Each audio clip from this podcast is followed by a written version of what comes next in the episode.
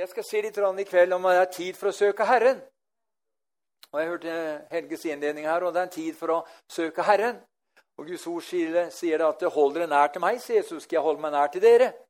Så, eh, og da har jeg en liten innledning her. Hva er Guds vilje, da? Jo, Guds vilje, det ser vi blant det er jo, det er jo Hvis jeg skal ta tre punkter på det, så skal jeg ta 1. Timoteus 2 og vers 4. Han som vil at alle mennesker skal bli frelst og komme til sannhetserkjennelse. Det er Guds vilje. At alle mennesker skal bli, han som vil at alle mennesker skal bli frelst og lære sannheten å kjenne.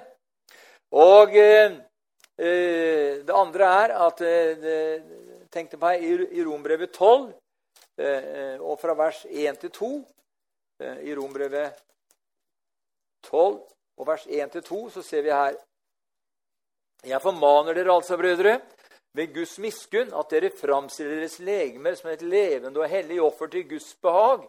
Dette er deres åndelige gudstjeneste. Og skikk dere ikke lik denne verden, men bli forvandlet ved at deres sinn fornyes, så dere kan dømme om hva som er Guds vilje, det gode, det som han har behag i, det fullkomne.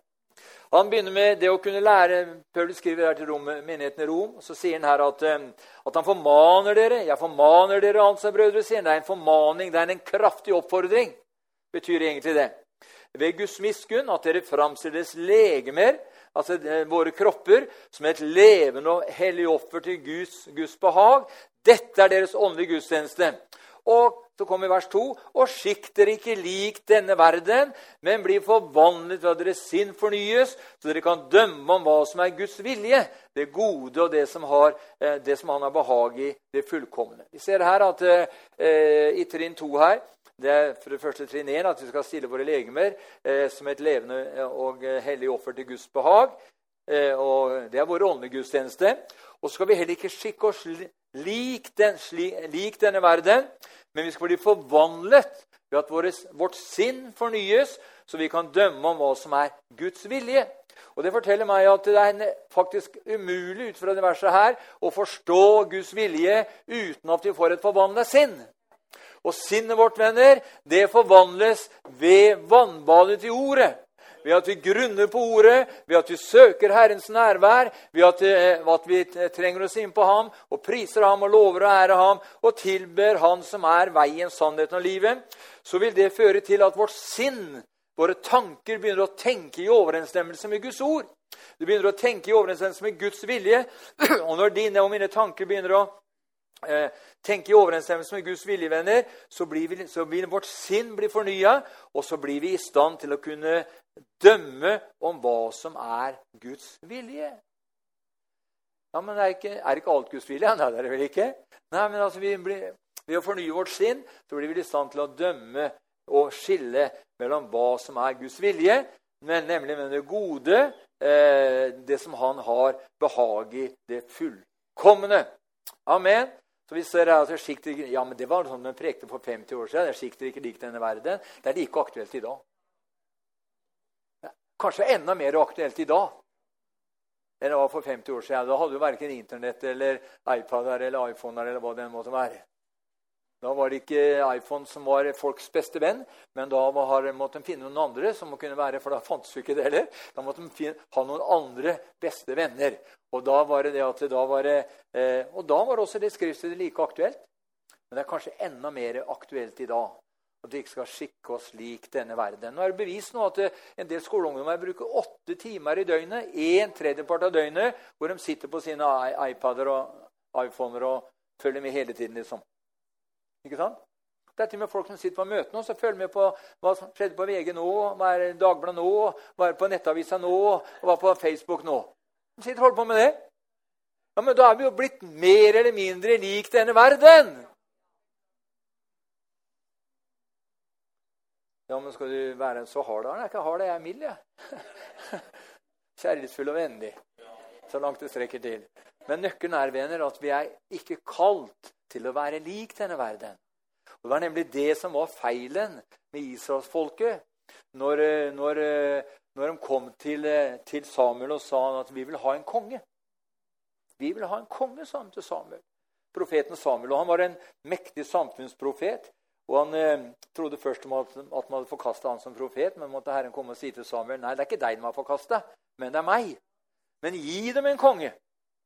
For de sa at de ville gjerne ha en konge som, som alle andre land hadde. Du ville være lik alle andre. Og vi ser at det ble på en måte et problem for Israel. Det kom Saul, det kom David, det kom Salomo, og deretter ble riket delt i Nord- og Sørriket. To stammer i Sørriket, Benjamin og Juda, og de ti øvrige stammene i Nordriket. Og så ser vi da at splittelsen var et faktum historisk helt fram til våre dager. Fordi de ville ha en konge som resten av verden hadde. Og det blir sånn at Når kristne organisasjoner og kristne store kirkesamfunn vil begynne å vurdere allting ut fra et menneskelig synspunkt Ja, men Jesus sa at 'mitt rike sant? det er ikke av denne verden'.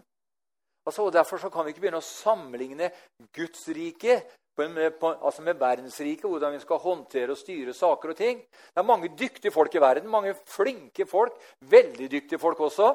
Men fordi at man er veldig dyktig i denne verden, så er ikke det grunnlag for at man skal settes inn i, i Guds rike og begynne å få, eh, få, få, få autoritet som kan være med å påvirke utviklingen i Guds rike. Det er når altså, kristenfolket begynte å innse at ja, jeg, vi er bare noen vanlige, kan ikke det, kan ikke vi får sette inn noen eksperter som kan komme og hjelpe oss både med det ene og det andre. Og vi ser historisk, venner, det er at når menigheten har begynt å sette inn de intellektuelle i denne verden for å få å søke hjelp og råd og veiledning, så går det gærent. Men nå er tiden kommet, sier Herrens ånd, da jeg vil fylle mitt folk med min visdom og med min kunnskap og min godhet og min kjærlighet og min omsorg på en slik måte som jeg gjorde med Sadrak, Mesek, Abenego og Daniel. Jeg fylte dem med, med, med, min visdom på en slik måte at de opererte ti ganger visere enn denne verdens vismenn. Er ikke jeg den samme i dag, sier Herren? Er ikke jeg den samme i dag?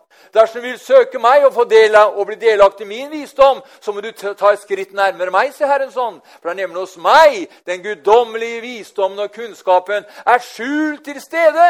Men for at du skal få del i denne kunnskapen og visdommen som er skjult til stede i meg, sier Herren, så må du ha et nært livsforhold med meg. Amen. Halleluja. Det er bare sånn det er så kan den, eh, så kan den eh, religiøse intellektualismen si noe helt annet. Men det blåser jeg i. Det gjør det jo vel? For Vi er ikke kalt først og fremst til å være tilfredsstillere, tilfredsstillere for denne verden, men vi er kalt først og fremst for å være med å tilfredsstille Han som døde og oppstå igjen for oss alle. Amen. Halleluja. Priset være Jesu navn. Jeg skal ta et vers til om Guds vilje. Eh, Kolossbrevet 1 og vers 9. Eh, det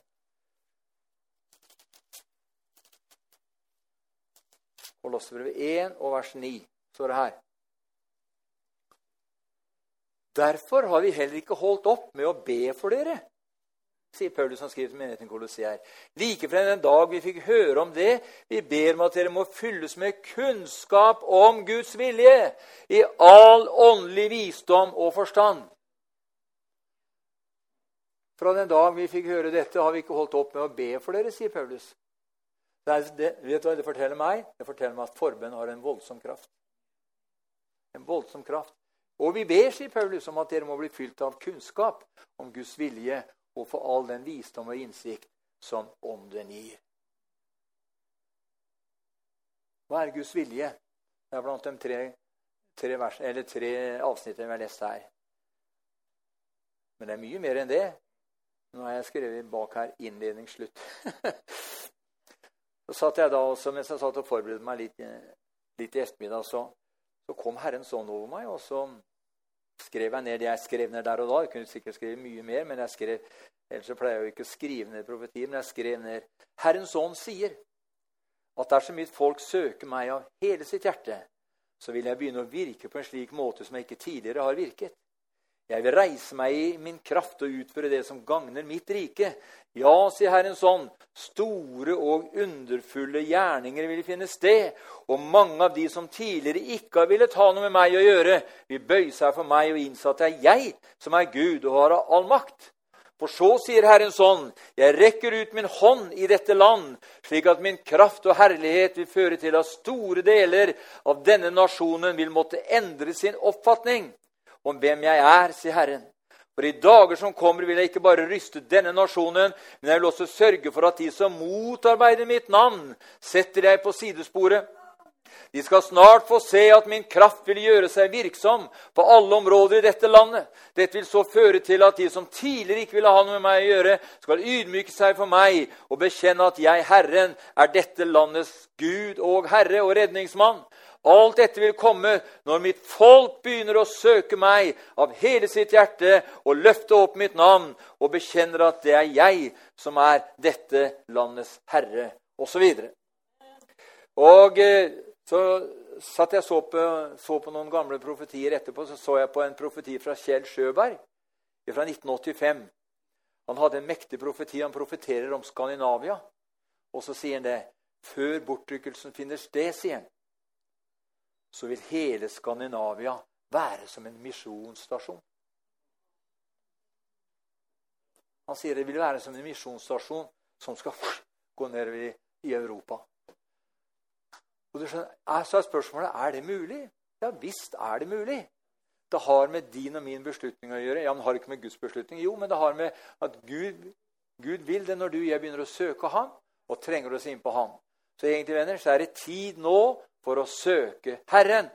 Og Derfor er vi skal ha den fem, den fem formidagene nå, som vi hadde for 14 år siden nå, eller for tre uker siden, hvor vi skal ha bønn fra 11 til 1.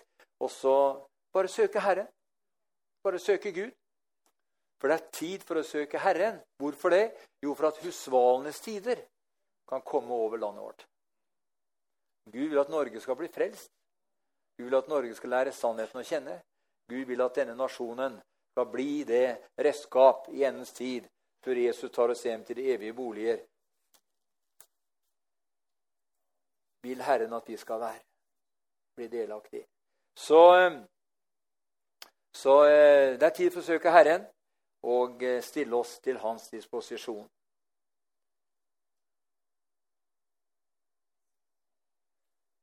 Jeg nevnte vel så vidt på bønnemøtet her på torsdag at på onsdag morgen denne uka så våkna jeg med Kolossbrevet 3. Og vers, Kolossbrevet 3 og vers 1-4. Jeg lå grunna på det lenge. Kolossbrevet 3 og vers 1-4.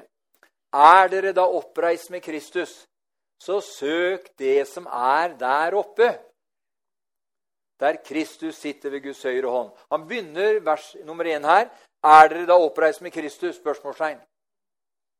Hvis vi det er, så la oss søke det som er der oppe. Der Kristus sitter ved høyres, høyres hånd, ved Guds høyre hånd.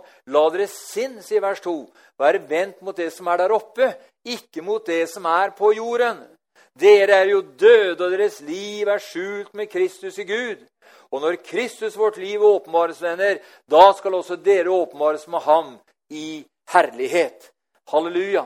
Og Jeg lå, jeg eh, lå i senga på morgenen, og så det var veldig tidlig, egentlig, så jeg sov litt seinere. For jeg pleier å ligge litt lenger om morgenen. For det er årsaken til at jeg legger meg litt seint. Så det er helt naturlig. Og så er det at jeg har litt sånn Ja. Amen. Men eh, så spurte jeg meg sjøl, Herre, hva betyr det å være oppreist med Kristus? Og da var det første vers som går vi tilbake til, eller går til Kolossbrevet 2. Og i vers 12 så står det her For i dåpen ble, ble dere begravet med ham, altså Kristus, og i dem ble dere også oppreist med ham ved troen på Guds kraft, han som oppreiste Kristus fra de døde. Eh, vi ser at man må være, man må være frelst, født på ny, begravet med Kristus, dvs. Si dåpen til døden, oppstått med ham og satt med ham i Kristus ved Faderens høyre hånd i himmelen. Og Det er det Efesbrevet 2, vers 6 også sier, at vi er satt med ham i himmelen i Kristus Jesus. Han sier i Galaterbrevet 2, vers 6, og det er, eh, det er egentlig en, eh, det å få tak i det verset der, hva det innebærer. Efesbrevet 2, 6. Han oppvakte oss med ham. Hvem gjorde det? Gud oppvakte deg og meg med Kristus og satte oss med, med ham, altså him, eh, Kristus, i himmelen, i Kristus Jesus. Halleluja. Det var det han som gjorde. det. Han satte deg og meg i, med Kristus, med seg selv, altså Kristus, i himmelen i Kristus Jesus.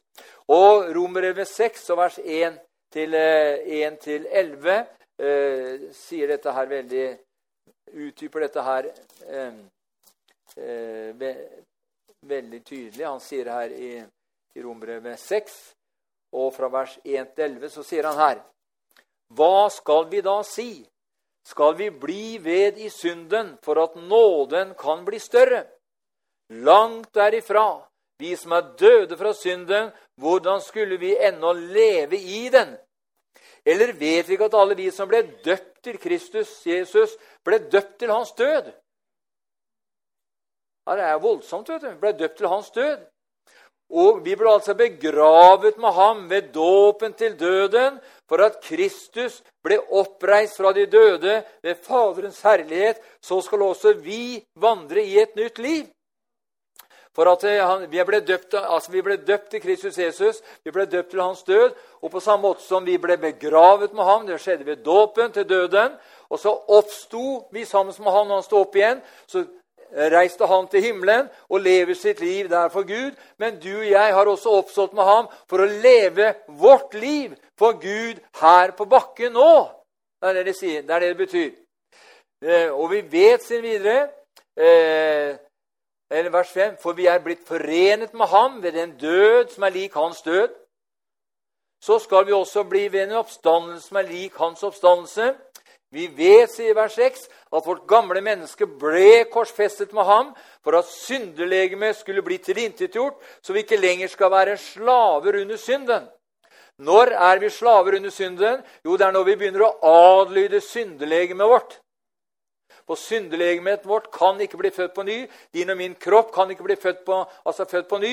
og Det er derfor det er så viktig at vi lever et korsfesta liv som resulterer i at, eh, at, vi, er, at vi, er, fullt overbevist om at vårt gamle menneske det ble korsfestet med Kristus for at syndelegemet vårt skulle bli tilintetgjort, så vi ikke lenger skal være slaver under synden.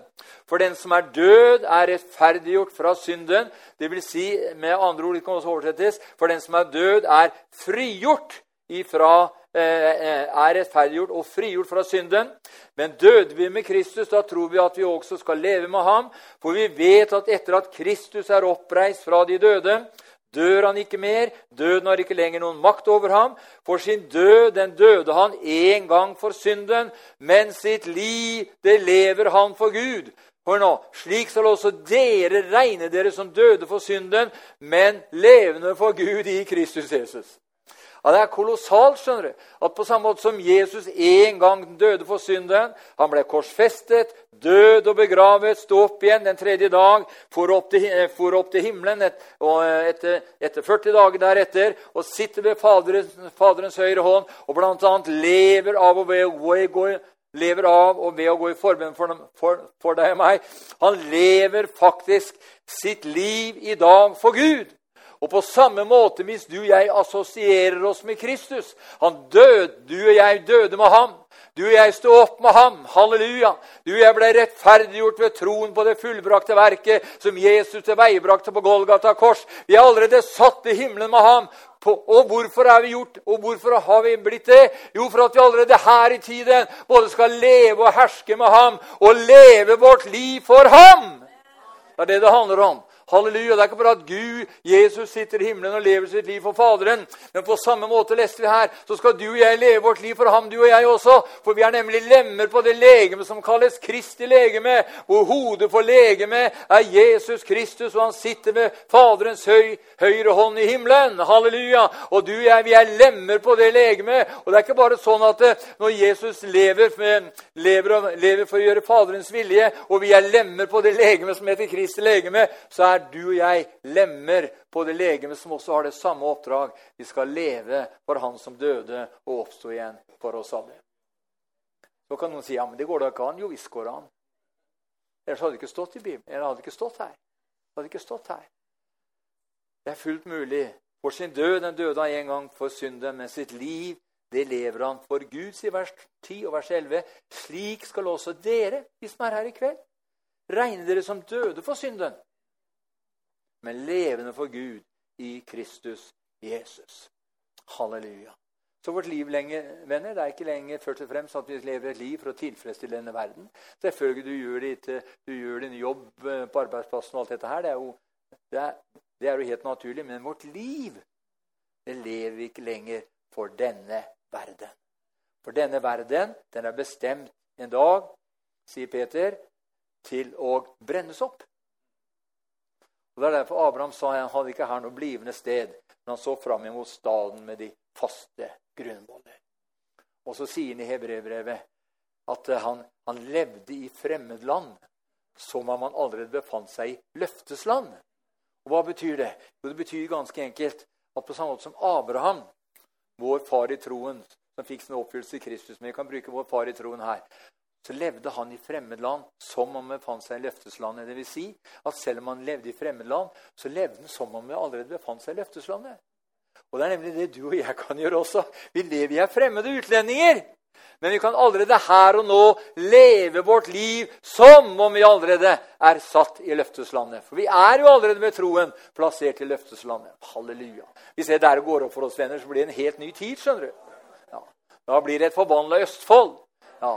Da blir det ikke venstresida som setter dagsorden eh, når de har med Israel og, og, sånn å gjøre. Nei, da blir det Guds menighet som setter dagsorden. For Det er nemlig Guds menighet som er sannhetens grunnvoll og støtte. Det vil si at på samme måte som, eh, som eh, bønn Fader vår, la din vilje skje i himmelen så på jorden, så vil også det begynne å fungere. Nemlig at når du og jeg som er frelst før på ny, så vil også den, fordi mener, for menigheten er sannhetens grunnvoll og støtte, da vil den på samme måte som Faderens vilje fullkomment skjer i himmelen, så vil også eh, Guds vilje fullkomment skje igjennom menigheten på jorden. For menigheten er ikke en hvilken som helst organisasjon eller forening, men menigheten er sannhetens grunnvoll og støtte. Det er nemlig den som setter dagsorden. Og hvis menigheten er underlagt Jesus Kristus og ham alene, så vil menigheten begynne å operere på et mye høyere plan. Det blir slutt på klaging. Det blir slutt på alt om vi snakker om alt det som ikke fungerer. Vi kommer inn i, at, eh, vi kommer inn i det som begynner å fungere. For Gud har nemlig kalt oss eh, til at, at det at det overnaturlige skal bli naturlig i våre liv. Amen. Halleluja.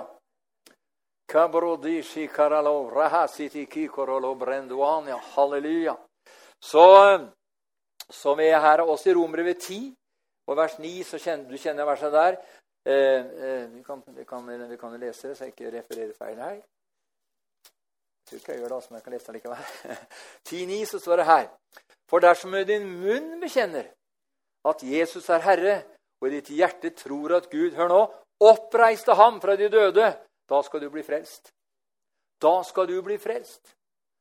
For med hjertet troen til rettferdighet og med munnen bekjenner til frelse osv. Vi ser at vårt hjertevenner tror at Gud oppreiste ham fra de døde. Dersom dette er en sannhet i våre liv, og det er det vel, ikke sant? Vi er jo frelst og født på ny, så kan vi søke det som er der oppe. Hvorfor det? Jo, for vi har endra fokus. Vi har endra fokus. Vi har endret fokus fra det jordiske til det himmelske. Og Årsaken til det, at vi endrer fokus, venner, det er at vi er døde. Vårt nye liv er skjult med Kristus i Gud. Altså, det vil si, vårt gamle liv, det er dødt. Det er dødt. Ja, men jeg kan jo synde allikevel, er det som sa. Ja visst kan du synde. Men du behøver ikke det. Det er helt unormalt for en som er frelst og født på ny, å, å synde bevisst. Vet du hva det kommer an på hvis han da synder bevisst? Det er manko på gudsfrykt. da. Det er manko på gudsfrykt. Nei, venner, vi har endra nemlig kurs. Halleluja. Og vi har vårt blikk festa på det som er der oppe. Og for det tredje da Det vil til slutt føre til som Jeg leste om her i Kolossebrevet 3 her, vers 4. Og til slutt vil Kristus, vårt liv, åpenbares med ham i herligheten. Halleluja. Venner, da kan vi si som Paulus i Galaterbrevet 2 og vers 20. Ja, hva sier han der? Du har referert til verset mange ganger, har du ikke det? Galaterbrevet 2, vers 20, hvor han sier 'Jeg er korsfestet med Kristus'. Men det var det Paulus sa til oss her i, i Rombrevet 6. Ja, er vi korsfestet? Vi er korsfestet med ham. Han sier her at, sier her at eh, 'Jeg er korsfestet med Kristus'. Det er ikke noe jeg skal bli, men det var noe jeg ble når jeg tok imot Hans navn til frelse og ble frelst og født på ny og ble døpt til hans død og ble begravet med ham. billedlig dåpen, begravelse med ham. Og så ble jeg stå opp, opp igjen med ham, og så ble jeg satt i himmelen med ham med troen. For at på samme måte som han skulle leve sitt liv for Gud, så skulle du og jeg, etter at du og jeg hadde stått opp fra de døde, nemlig etter å ha stått opp fra, eh, et bilde på det har stått opp fra, fra graven ved dåpen til døden, så skulle du og jeg ikke lenger leve livet for oss selv. Og da blir det som Paulus sier i 2. Korinter 5.15, vi tilhører ikke lenger oss selv, men vi tilhører Han som døde og oppstod igjen for oss alle. Amen. Og dette her, her, ligger, her ligger selve dybdene, tror jeg, i det som eh, vi er på vei inn i, og som Gud vil at du og jeg skal bli delaktig i på alle plan og på alle områder. For jeg er korfestet med Kristus. Jeg lever ikke lenger selv, sier han. Altså, Hvem er jeg? Jo, det gamle livet mitt. Det gamle syndelivet, det lever ikke lenger. Ja, men vi kan vel, det kan vel eh, lese litt en gang imellom. Jeg husker gamle Oskar Nylende. Han sa bestandig sånn, han sa hvis det gamle legemet begynner å røre litt på seg, sånn, så må du ta fram blodsprøyta sånn, og sprute litt Jesu blod på det. sånn. Mye, det var mye, mye, sunt i det. altså. For vi må stå med imot fast i troen, og da skal han fly fra oss. For ennå har vi ikke møtt noen fristelse som vi ikke kan seire over. For Gud tillater ikke at du kommer i noen fristelser som du ikke kan seire over. Og Jesus har prøvet i alt, dog uten å falle. Og han sier, han sier i Hebrebrevet eh, RS det 7 eller jeg tar det ikke akkurat sånn i farta. Men han har i sitt kjøds dager frembåret for Gud bønner med høye skrik og rop, står det. Og han ble bønnhørt for sin gudsfrykts skyld. Hva betyr det? Jo, Jesus han har i sitt kjøds dager Noen mener at det var på korset. Nei, så ikke noe, men det var på korset. Han har i sitt kjøds dager, når han kom i mange, mange forskjellige typer fristelser. Han ble frista på så mange plan og på så mange måter. Derfor kan han fullkomment hjelpe alle dem som kommer til tro på ham. Og Derfor har han sitt kjøds dager frembåret bønner med sterke skrik og rop til Han som kunne frelse ham fra døden, står det. Og han ble bønnhørt for sin Guds frukts skyld. Hadde Jesus falt i en synd de tre og et halvt åra han gikk her nede, hvor Herrens ånd var over ham, så kunne han ikke frelse menneskeheten. Det visste Jesus. Det visste han. Og Derfor sier han derfor han med høye skrik og rop ropte ham som kunne frelse ham fra døden.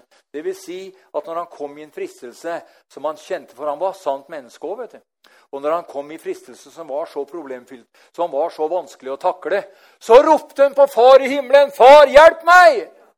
Med sterke rop og skrik. Og så står det så ble han bønnhørt for sin Guds frykts skyld. Og hadde han falt, nemlig, og det, så hadde ikke du og jeg vært her i kveld. Halleluja. Det livet jeg nå lever i kjødet, sier han, i kroppen, det lever jeg i troen på Guds sønn, han som elsket meg og ga seg selv for meg. Hva han sier? Han begynner verset med å si jeg er korsfestet med Kristus. Jeg lever ikke lenger selv, men Kristus lever i meg. Det er liksom forutsetningen til siste del av setningen. Det livet jeg nå lever, i kroppen eller i kjødet, det lever jeg i troen på Guds sønn, han som elsket meg og ga seg selv for meg. Halleluja. Halleluja. Og Det er det vi skal Og vi skal søke Gud nå, venner. i disse, eh, ikke bare nå, men du søker Gud hjemme i lønnkammer. Lønnkammerbønnen er faktisk en av de viktigste bønnene vi har. For det er der du kan tømme ditt hjerte for Herren. Tømme ditt hjerte for Herren. Eh, og Det kan jeg gjøre, og det kan du gjøre. Og så når vi kommer sammen, så kan vi være med i, i fellesskap og bare be fram Guds vilje både på det ene og andre området. Eh, I Efesbrevet 3 eh, I Efesbrevet 3 og eh, vers 8-11 så står det her Til meg, den minste av alle de hellige, sier Paulus, ble det gitt ble den nåde gitt å forkynne hedningen evangeliet om Guds uransakelige rikdom, og å opplyse alle om hvordan husholdningen med denne hemmelighet, som var skjult fra evige tider i Gud, Han som skapte alt ved Jesus Kristus, slik skulle Guds mangfoldige visdom nå gjennom menigheten bli kunngjort for makten og myndigheten i himmelrommet. Dette var hans forsett fra evige tider, som han fullførte i Kristus Jesus, vår Herre. Det er Guds planer fra, evige, fra tidlig morgen. Hva var hans plan? Dette, sier vers 11, var hans forsett fra evige tider, som han fullførte i Kristus Jesus, vår Herre. Og hva var hans planer fra evige tider? av?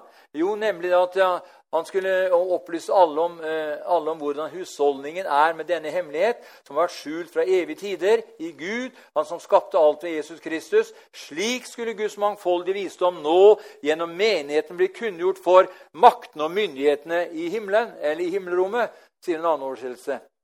Hvem, hvordan skulle Guds vilje bli kunngjort for maktene og myndighetene i himmelrommet gjennom menigheten? Ja, men det fins ikke demoner i Norge i, i 2024. Jeg skal si at De er nesten på hvert gatehjørne. Ja. De er overalt. Og Det er derfor menigheten er satt her på bakken inntil vi reiser hjem, venner. Til å være en, ikke bare en proklamatør, men være en kunngjører og en bevisgjører på hvem menigheten er overfor maktene og myndighetene. Og Maktene og myndighetene de er beseira. Eh, de er beseira. Jesus sier i Kolossbrevet 2, vers 14 sier at han stilte dem åpenlyst til skue idet han triumferte over dem på korset. Ja, men Mange ganger er det sånn at folk har problemer med det ene og problemet med det andre. og sier ja, nei, vi, vi, lar det være, for det, det, blir så mye bråk hvis vi skal liksom prøve å sette noen fri. Og Det er derfor det verset som Gud talte til meg for en tid tilbake, Markus 3, 27, at ingen kan gå inn i en sterkes hus og plyndre hans hus uten han først har bundet den sterke. Og du skjønner, Jesus bandt den sterke. For han, han beseirer ham på Golgata kors. Men du og jeg er lemmer på han som beseirer den onde. Og for at du og jeg skal komme inn i den dimensjonen at vi kan både eh, binde og løse. Så sier Jesus det i, Matteus 18, 18 her vel, at eh, min menighet som dødsrikets porte skal få makt over han snakker om det, at, Og det er den menigheten jeg, jeg vil bygge min menighet, sier Jesus. Ja, men Vi kan gå på menighetskurs og lære å bygge menigheten hel og sterk osv. Jeg har vært på sånne mange kurs. Jeg har ikke fått med meg noen ting. For som regel så er det sånn at de skal ha samtaler og spørsmål etterpå, men da er klokka så mye at det er tre minutter igjen til lunsj. Ja, Sånn har det vært. Så jeg går aldri på sånne kurs lenger. jeg. Men Jesus sa, 'Den menighet jeg vil bygge', skal dødsrikets porter ingen få makt over. Ja, Men hvordan bygger Jesus sin menighet? da? Jo, han bygger den gjennom at, gjennom at han får lov til å være herre i våre liv. Og så åpenbarer han sin plan og sin vilje for hver og en av oss, så vi kan komme inn i fullheten av den plan han har. Ja, men vi må være noen som sier, ja, men vi må det være sånn. Noen har en organisasjonsform sånn. Eh, noen har, eh, kjører på syv eldste, noen kjører på fem eldste, noen kjører på et styre, noen kjører på et arbeidsutvalg, noen kjører på forskjellige modeller man ledes og styres etter. Men det er helt greit, det. Nevnt hva Paulus sier? 'Jeg har lagt grunnvollen som en vis byggmester.' 'Men enhver se til hvordan han bygger videre.' Det vil si at hvis vi bygger på Jesus Kristus og ham korsfestet, død og oppstanden og sitter ved Faderens høyre hånd, og du og jeg er frelst og født på ny, så er det frihet i Kristi legeme til å bygge forsamlingen eller menigheten slik som du ville ha den. Det er ikke slik at, at alle, skal, alle ha, skal ha, at vi skal ha den samme type bygningen og, og den samme takhøyde og alt som samme gardiner og alt som er. Nei, på samme måte som ingen av våre hus er like heller. Det kan være at noen har bygd helt like hus. og Hvis man kjøper noen blokk på 8, eller sånn, da, så kan det være en del like hus. da. Men vi er kalt til å operere på et fritt grunnlag. Halleluja! Derfor sier Paulus, 'Jeg har lagt grunnvollen som en vis byggmester'. Men vær se til hvordan han bygger videre. Og det forteller meg venner, eksalt Gud meg for veldig mange år siden at når det er en sannhet i vårt liv, at, at, eh, at grunnvollen er lagt av Jesus Kristus og ham korsfestet. Men vil ikke vite annet iblant, sa Paulus.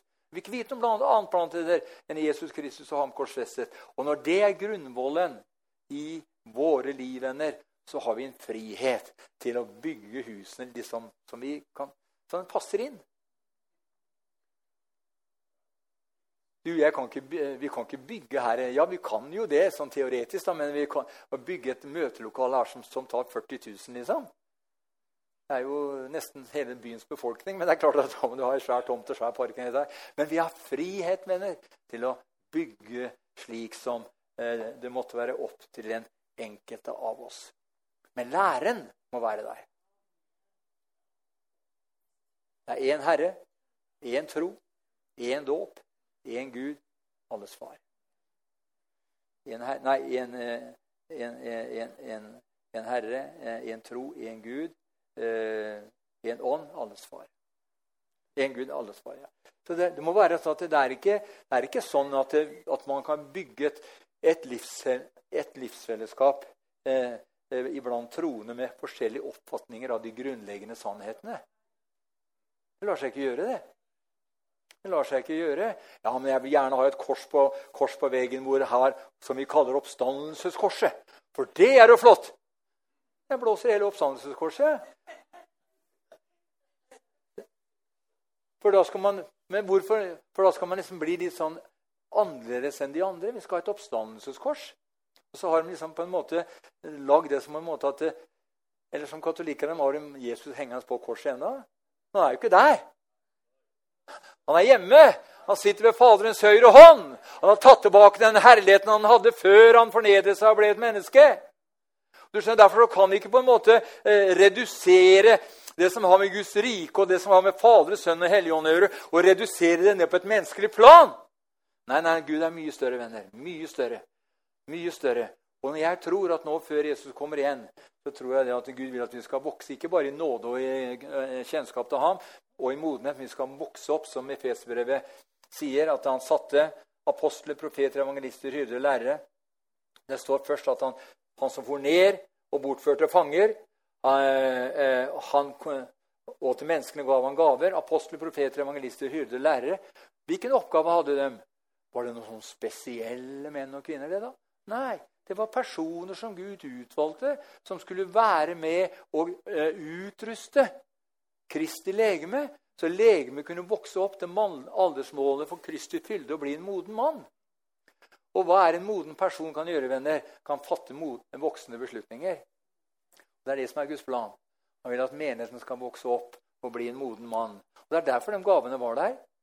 Men de kommer til å bli, ja, men himmelen er apostler der? Nei, det er det vel ikke? Er det baptister i himmelen, da? Er det lutheranere, pinsevenner, frivenner, trosvenner? Nei, det er ett folk! Det er det folket som har fått sitt navn skrevet i livets bok. De er dine og mine brødre og søstre. Amen. Halleluja. Jeg skal ikke si noe mer om det. Så.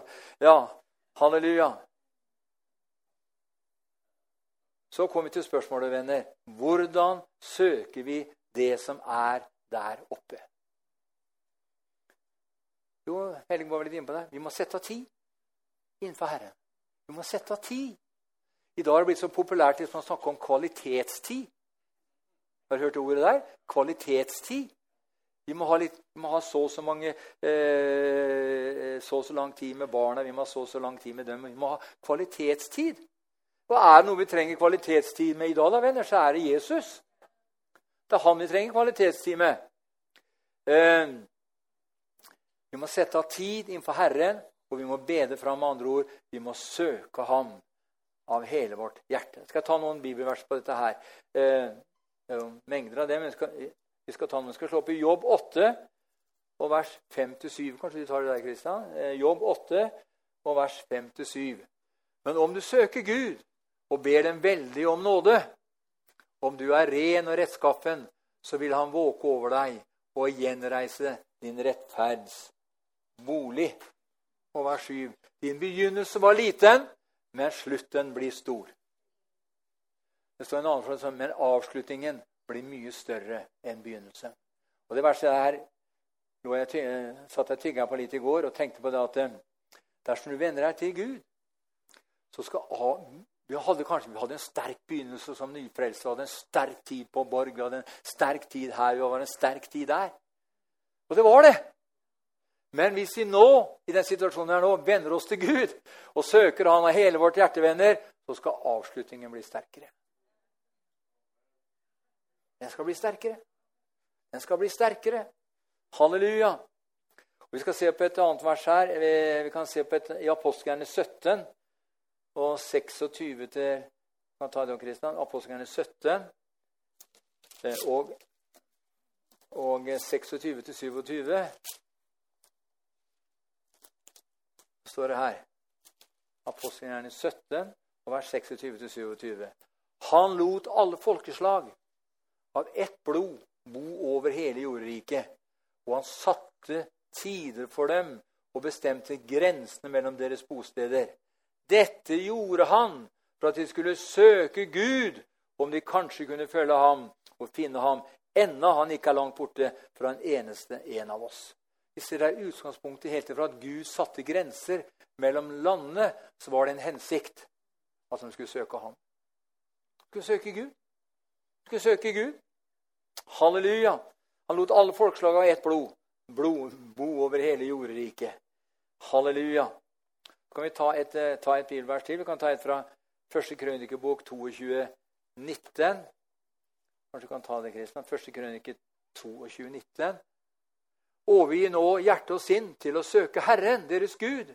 Gå i gang med å bygge helligdommen for Herren Gud. Så kan dere føre Herrens paktkiste og det hellige usurret inn i det huset som skal bygges for Herrens navn. Han sier hva han sier her. Joa, venn og hjerte og sjel til å søke Herren deres Gud. Vi ser at i store hendelser i, i, i, den gamle, i, den gamle, den gamle, israelske tiden, den gamle pakts tid, så ser vi da at Og til og med før, før Moseloven også, så ser vi da at det, det, var tid for å søke Herren, for at Herren kunne få en mulighet til å åpenbare sin herlighet på den enkelte. Halleluja. Så kan vi ta et til fra 2. krønikebok, eh, eh, 2. vers 19. Overgi nå hjertet nei, overgi til hver den som av hele sitt hjerte søker Gud Herren, sine fedres Gud, selv om han ikke oppfyller kravene som gjelder for renhet i helligdommen.